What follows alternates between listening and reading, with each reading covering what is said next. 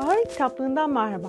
Bu bölüm tam bir hizmet pazarlaması odağında bir kitapla sizi tanıştırıyorum. Yazarı Harry Beckwith. Kitabın adı Görünmeyeni Satmak. Gelmiş geçmiş en iyi 10 pazarlama kitabından biri olarak biliniyor. Hizmet ve ürün pazarlaması arasındaki farkı vurguluyor hizmet satın almak isteyen müşterinin düşünce tarzını ve hizmet sektörünün işleyişini inceliyoruz bu kitabı okuduğumuzda. Ben bu sefer aldığım notları sizlerle paylaşırken bu notların anlatıldığı hikayeleri de anlatmaya karar verdim. Birinci hikaye şöyle başlıyor. Kelebek etkisi. 1963 yılında meteoroloji uzmanı Edward Lorenz yaptığı çarpıcı bir sonucu açıklamıştı. İnsanlar 10 yıllar boyunca evreni nedenlerle sonuçların birbirine denk düştüğü büyük bir makine olarak görmüşlerdi.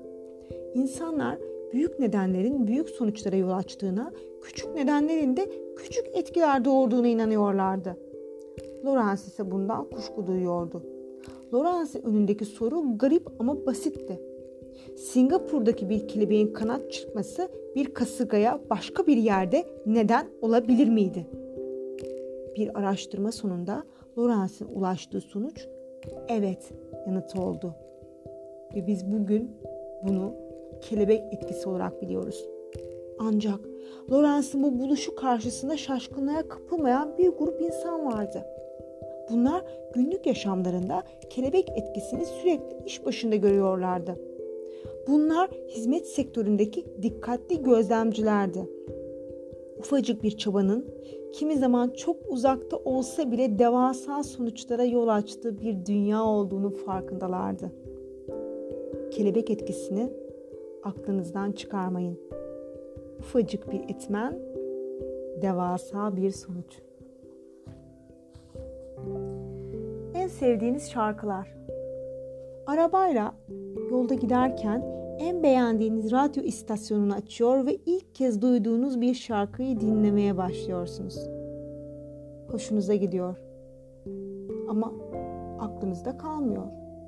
Ertesi gün öğleden sonra bu şarkıyı bir daha duyuyorsunuz. Belki şarkıcının adını not ediyor ve sonradan anımsıyorsunuz.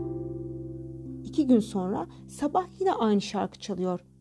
Diğer sürücülerin sizi izlemediğinden emin olduktan sonra şimdi artık anımsayabildiğiniz melodiye kendinizi kaptırıp tempo tutmaya başlıyorsunuz. İki gün sonra şarkının CD'sini alıyorsunuz. Geceleri üst üste onu çalıyorsunuz. Üçüncü gece sözlerin çoğunu ezberlemişsinizdir artık.